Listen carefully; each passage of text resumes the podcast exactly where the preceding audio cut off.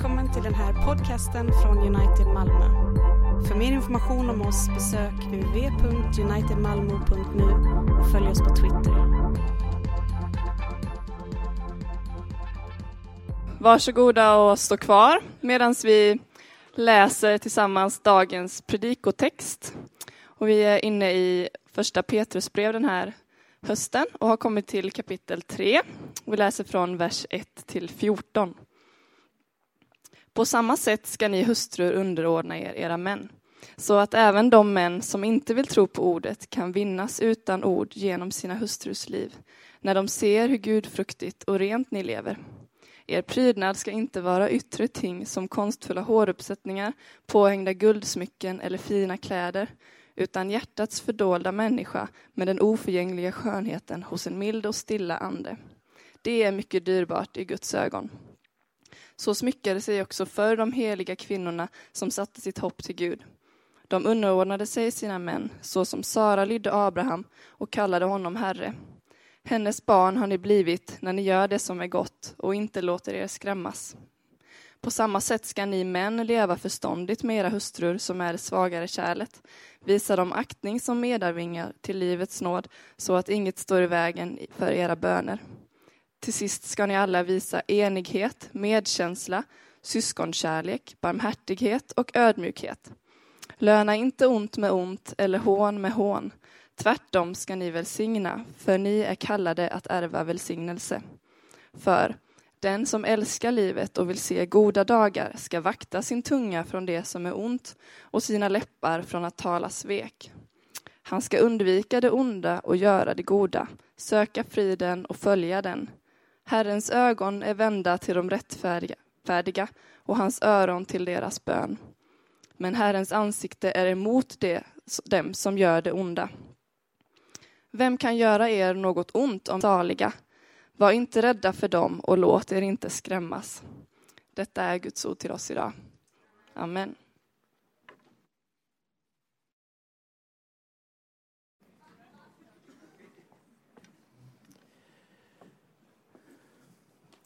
Herre Jesus Kristus, du som er det levende ordet.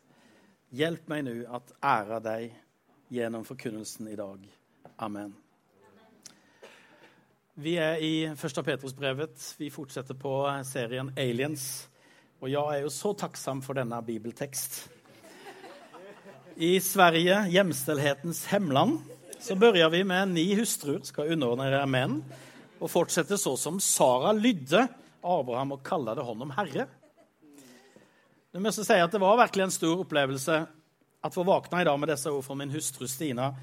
Om Herren er redo så er frukosten servert. Lite skjemt, tyvärr kanskje, men, eh, men det vi møter her, er etter Kristus. Og det er faktisk min første poeng at når vi kommer til en tekst som dette, så er det bra at igjen ta opp hvordan vi tolker Bibelen i United. Låt oss lese et lite utdrag fra Vår tro, som også finnes på Uniteds hemsida. Vi tror at Bibelen har både en gudomlig og en menneskelig dimensjon. Den er Guds ord gjennom menneskers ord i historien. Dette innebærer at vi måtte tillämpa en ansvarsfull historisk-grammatisk bibelstudiemetod der vi tolker de bibliske tekstene i ljuset av den historiske, kulturelle, sosiale og politiske konteksten i vilken han sier også at vi skal hantera denne spenningen ved å slutte å prate om evangeliet og begynne å leve det. Ja, du hører det rett. Nå er dette ingen generell oppmaning i Bibelen til å slutte å forkunne, men en oppmaning i en spesiell situasjon der noen redan har hørt ordet, men ikke vil tro. Hva gjør vi da? Vi tror på inkarnasjonen. Et svårt ord, men det betyr at ordet ble kött. Vi tror at vår tro kan bli synlig og bekreftes gjennom våre liv. Tenk gjerne litt ekstra på dette når du går till nattvard dag. Kjenn efter hur brødet og vinen er fysisk. Det kjennes i din munn, i din fysiske kropp. På samme tid så formedler det selvklart en åndelig virkelighet. Men Jesus Kristus han ble menneske for deg og meg, Så at mennesker nå kan møte Jesu liv genom oss. Og Petrus har redan flere ganger i dette brevet understreket sin tro på at gode gjerninger kan åpne människors øyne for evangeliet. Og nå sier han igjen at dette er en nøkkel også i våre nære relasjoner. Du kanskje har hørt om den kristne mannen som bestemte seg for at på sin arbeidsplass være snill og ødmyk og hjelpsom, og på det settet vitne med sitt liv. Han berettet aldri at han var kristen. Men sen etter 20 år så tok en av hans arbeidskompiser ordet i lunsjrosten og sa du, vi har observert deg nå i alle disse år, og vi, vi tykker noe er annerledes med deg. Derfor har vi en spørsmål. Er du vegetarianer? altså, evangeliet måste forkunnes med ord. Og Jeg tror ikke på denne frasen av Frans av Assises, Man vet ikke om det er han som har sagt det, men den har liksom hengt, hengt igjen på honom. Predika evangeliet og om nødvendig anvende ord. Men det Petrus sier her, er predika evangeliet og om nødvendig sluta anvende ord.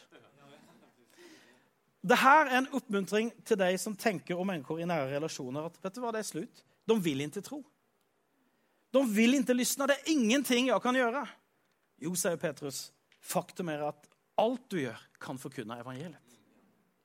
Og Jeg har blitt påminnet om en spesiell gruppe innenfor, innenfor forkunnelsen i dag. og det, det er ni som har større barn som ikke virker som de vil tro. Nå kjenner ikke jeg forsamlingen så bra, så jeg vet ikke hvor mange det gjelder. Men om det bare er noen få det gjelder, så ser Gud din situasjon og oppmuntrer deg i dag. De kan vinnes uten ord gjennom ditt liv. Gjennom en tilkram, gjennom gode ord. Gjennom at du sier forlåt. Gjennom uvilkårlig kjærlighet. Og det er hva du behøver Den hellige andes hjelp til. Det er hva tidebønner, messer, gudstjenest hjelper oss til. At ikke forsøker å få til det i egen kraft, men ta imot nåden, så vi kan gi den videre. At leve evangeliet, vad det är? Och det är ikke at leve perfekt, men at leve i erkjennelse av at man ikke er perfekt. Da blir Jesus stor, og da blir du og jeg noe som kalles ødemyk, og det er sånt som stikker ut nå for tiden. Kan jeg si det. Nu gäller det här självklart alla relationer där det finns en spänning därför att du är en bekännande kristen. Om det är barn, föräldrar, arbetskollegor eller grannar. Petrus uppmaning är inte att du kompromissar på din tro, men att du kompromissar på behovet for å prate om den, og heller forkunne til deg selv, så at ordet påvirker hele ditt liv. Det andre Petrus sier, er at vi ikke skal fortrøste på det ytre, men investere i det indre livet. Prydnad skal ikke være ytre ting som konstfulle håroppsetninger osv. Et skjemt på denne tiden i det romerske riket var at kvinnene var høyere på framsiden enn baksiden pga. deres høye hårfrisser. Og Petrus poeng er altså ikke at det er synd med håroppsetninger, men at vi kan vise hvor evangeliet gjør oss fria fra behovet for å ha vår identitet i det ytre. Jeg behøver ikke ha alle de seneste statussymbolene, bli sett og hørt på mitt jobb, få 100 likes på Facebook for å kjenne meg verdifull. Det rekker med 50 for meg, altså. Nei, Det som er dyrebart i Guds øyne, som vi leste her, det er en rikedom som fins på innsiden. Det er en uforgjengelig skjønnhet. Den er dolt. Det er korsets vei. Det ser først ut som at du, du forlorer og ikke henger med på jaget omkring deg. Men lite i taget blir det dolda åpenbart for de nære deg som ikke tror. Kanskje når du møter en kris, kanskje i møte med sykdom, med død eller en arbeidskompis skilsmisse. Da holder ikke statussymboler lenger. De gir ingen trøst. Men det er for at du har investert i det indre livet, så kan du hjelpe med den hjelp du selv har fått av evangeliet. Det neste Petro sier, er gjennom at hoppas på Gud. De hellige kvinnene satte sitt hopp til Gud. Og Så leser vi da at Sara kaller det Abraham herre. Det låter jo veldig merkelig ved første lesning, men låt meg snabbt forklare. Sara kaller det, herre, Sara kaller det Abraham herre en gang i betydelsen sir eller mister i første Moseboken 1812. Men hun gjør det i en skrattende ton når hun får vite at denne gamle gubben skal gjøre henne gravid. Sara log innom seg og tenkte, står det, Nei, jeg nå blitt gammel, skal jeg da opptendes av åtro. Min herre er jo også gammel. Flere andre steder er det faktisk Abraham som lyder Sara. Og Vi kan selvklart ikke helt sikkert vite hvorfor Peter skriver det her, men, men en interessant tolkning er at Sara faktisk lød Abraham en gang han gjøg om at hun var hans søster. Han betedde seg som en ikke-troende, men Sara lød honom. Just som disse kvinner Petrus skriver til, som lever med ikke-troende menn. Og Hva står det da om Sara og om disse kvinner? Jo, de satte sitt hopp til Gud. Det er grunnen til at Petrus sier, 'Underordna deg, din mann. Det går bra.' Du er underordnet Herren, og han er over din ikke-troende mann. Presis som Petrus ikke godkjenner slaveri i de foregående versene, så er dette ikke et godkjenne av tanken om at kvinnen er noen sorts eiendom for mannen. Det han gjør, er at han sår evangeliets frø, evangeliets kultur, inn i denne spesifikke situasjonen. Han oppmuntrer ikke kvinnene å bryte ur kulturen, men at fortrøste på evangeliet for et høyere syfte, nemlig at vinne den ikke-troende mannen. Vi tjener Gud, og ingen andre er vår Herre. Derfor kan vi låte andre tro at de er vår Herre. Gud kommer enda få det som han vil. Og det kan vi hvile i og ikke låte oss skremmes, men fortsette å gjøre det som er godt, og hoppes på Gud. Men skal vi ikke stå opp liksom, og kjempe for andres rettigheter? Jo, de kristne på denne tiden de var til eksempel kjente for å ta til seg hemmeløse barn. Vi vet også hvordan evangeliet har vært med å løfte kvinnens verde. Men det var ikke først og fremst gjennom politisk makt, men gjennom evangeliets kraft. Kirken er ikke en politisk rørelse. Det er en evangelisk rørelse. Selvklart vil evangeliet gi politiske konsekvenser i et land, men vår fortrøstende er på evangeliet, som alltid står fast, uansett hvor det politiske klimaet er. Med andre ord det politiske leget behøver ikke være perfekt for at vi skal kunne leve som troende. Så Guds ord til oss i disse vers er at du behøver ikke alltid ha kontrollen over din ikke-troende sjef, din ikke-troende mann eller hustru, din negative tonåring eller din bråkige granne. Låt deg ikke skremmes. Fortsett gjøre det gode. Kompromisser gjerne på egne rettigheter, og sett ditt hopp til Gud, som har kontroll og som har omsorg om deg. Det siste under denne frågan som, som, som Petrus tar opp Nå vender han seg faktisk til, til kristne menn. Og Han prater om at vi, vi, vi skal leve i nære relasjoner gjennom at ære og tjene de svake. Han sier at disse kristne menn måtte vise sine hustruer aktning som medarvinger til livets nåd. Annars vil ikke Gud lysne når de ber. Med andre ord så bryter han her med dåtidens kulturelle syn på ektenskapen at kvinnene er mindre verd. Når han sier at ni er medarvinger. Ni er like mye verda innenfor Gud. Det var revolusjonerende, og noe lignende fins ikke i annen litteratur fra den tiden. Med andre ord, om du ikke er den svake, som Jon Johan har pratet om et tak her, men den sterke i en relasjon, så utnytta ikke det. Men anvend din posisjon til å tjene. Ja, Hvordan kan vi gjøre det? Det er kjempesvårt. For det er ikke naturlig for oss som er syndere i oss selv. Har vi makt, har vi posisjon, så tenker vi ja, det skal jeg, jeg anvende liksom, til, til, til, min fortjeneste. Men håpet fins i at Jesus kom som en tjenere. Han tjente deg. Han har rett med til all makt og var i en posisjon å dømme oss. Men da ville han ha forloret oss. For å vinne oss trykte han oss ikke ned, men frelste oss og løfte opp oss. Derfor at Jesus har gjort det for deg og meg, kan du også gjøre det for andre om du søker din hjelp hos Honom. Din og min identitet er ikke i din posisjon i denne verden, men i at du er Guds barn og arvinge. Derfor kan du behandle alle som medarvinger til nåden. Og du kan løfte mennesker rundt deg uten å forlore på det. Så hvordan lever vi i nære relasjoner med dem som avviser vår tro gjennom å leve ut evangeliet som er gitt meg som en gave.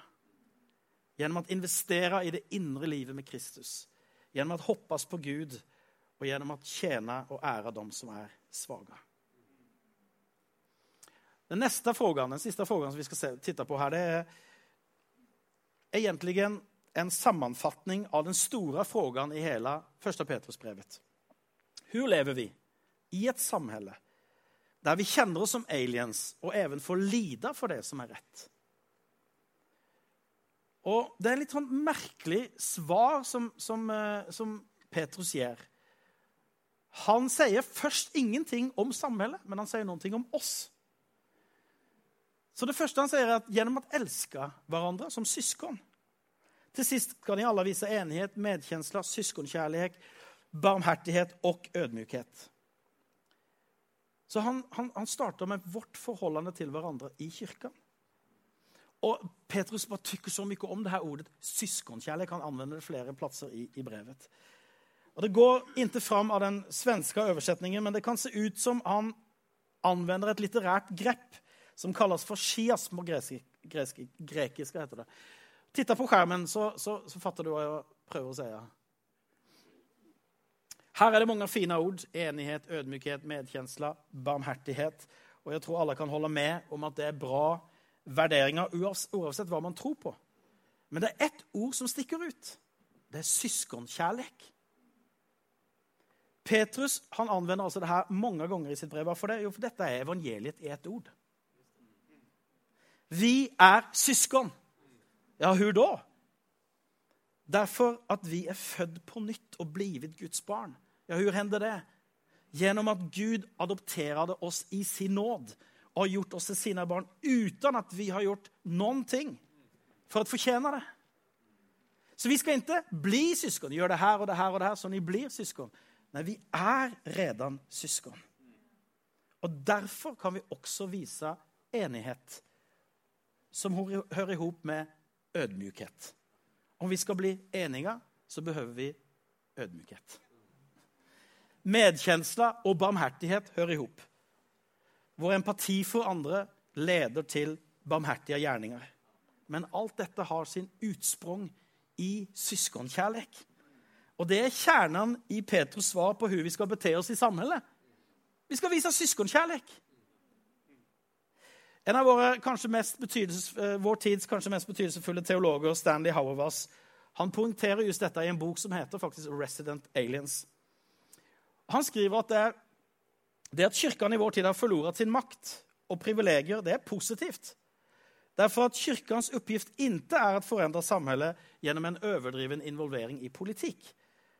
Han sier kirkene burde heller fokusere på å utvikle kristet liv og gemenskap som fungerer som en modell verden kan se til og bli forandret. Hvor lever vi som aliens, som fremlinger? Låt oss være kyrka mer enn noensinne. Låt Gud i sin nåd forme oss til en modell verden kan se til og bli forandret. Låt oss elske hverandre som søsken, derfor det er faktisk hva vi er. Nå rikter Petrus sitt svar utåt til hvordan vi skal agere mot samhället om vi blir forløyliget i tidningen, hånet på jobbet, eller kanskje mister privilegier som, som kirka. Hva gjør vi? Skaffer vi den beste advokaten? Anvender sosiale, sosiale medier til at håne? Anonymt, selvklart. Nei, sier Petrus. Tvert om. Ni skal velsigne. For ni er kallade at erva velsignelse. Og Sen så fortsetter han faktisk å sitere og vi skal ikke lese hele den, men Salteren 34. Og der blir David forfølgt. Så han også oppmuntrer dem seg. David ble forfølgt, Gud tok seg av honom. Nå er ni forfølgt. Det er den samme Gud. Han kommer å ta seg av er også. Men han siterer faktisk den svåre delen i, Salteren 34. Altså Det står om hvordan Gud liksom viser sin omsorg og hjelper gjennom svårigheter. Men Petrus han siterer hva vi skal gjøre. Vi skal velsigne, bare si gode saker. Inntil noen gang blir vi oppmannet å ta igjen. Og Det er ikke engang et forslag. Gud vender seg imot dem som ikke gjør det, varner Petrus. Og ja, når Jeg leser det, jeg kjenner meg litt mislykka når jeg leser den teksten. Hvor perfekt han vil at vi skal leve. Så hvordan kan dette bli oppmuntrende for forfølgede kristne? Jo, det er for at lagens ord, som dette er, døder alle mine forsøk på å være duktig kristen i egen kraft. Og den som er død for seg selv, blir ikke så lett krenkt. Mitt hopp står ikke til at jeg klarer av å velsigne, men at jeg har ervt velsignelse, som Peter skriver. Hvor mye enklere er det ikke å betale regninger med penger du har ervt, enn med minus på kontoet? Du kan velsigne dem du ikke tykker om, derfor at Kristus har velsignet deg. Vi er ikke beroende av velsignelse fra andre mennesker for å kunne velsigne, derfor at vi er redan velsignet av Kristus selv. Han välsignade even dem som, som spikade honom til et kors. Og Derfor kan vi velsigne dem som vil korsfeste oss. Det siste Peter sier, at hvis, eh, vi skal leve som aliens gjennom å brinne før det gode.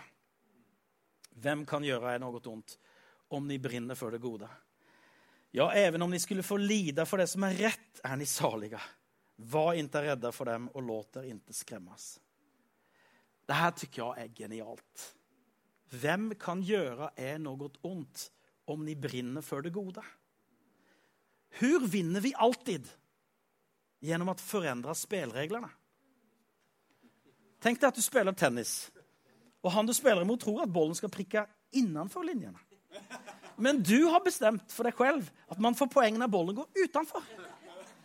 Du kommer til å gå hjem glad for at du vinner hele tiden. Jeg vet bilden halter lite. Men det her er faktisk ungefær hva Petrus sier. Oavsett hva mennesker gjør imot deg, så ser du på det som en mulighet at gjøre godt. Hvem kan gjøre deg noe ondt, då? Jesus sa 'elska dine fiender. Om du elsker even, even dine fiender, ja, så fins det ikke lenger fiender. Bare mennesker som kan elskes. Da blir det sant at even om de skulle lide for det som er rett, er de salige, altså lykkelige. Någon behandler deg urettvist, og du tenker bare 'Hun har ikke fattet reglene'. De som vinner er de som brinner for det gode, og nå ser du enda en mulighet til å gjøre gott. Det her er så Jesus vann på korset. Djevelen trodde han hadde vunnet, men Gud hadde bestemt reglene. Det er ikke den som døder, som vinner, det er den som gir liv. Det er ikke den som dømmer, som vinner, det er den som forsoner. Det er ikke den som tar som vinner, utan den som gir. I Kristus er vi uovervinnelige i møte med det onde, derfor at han er selve godhetens kjelle. Og i ham brinner vi for det goda. Evangeliet er vårt hopp for å klare av å leve som aliens. Både i nære relasjoner, men også i samhället. Oavsett hva som oss møter, så er Kristus vår hjelp når vi setter vårt hopp til Gud. I Faderns, Sønnens og den helige Andes navn. Nå og alltid og i evigheters evighet. Amen.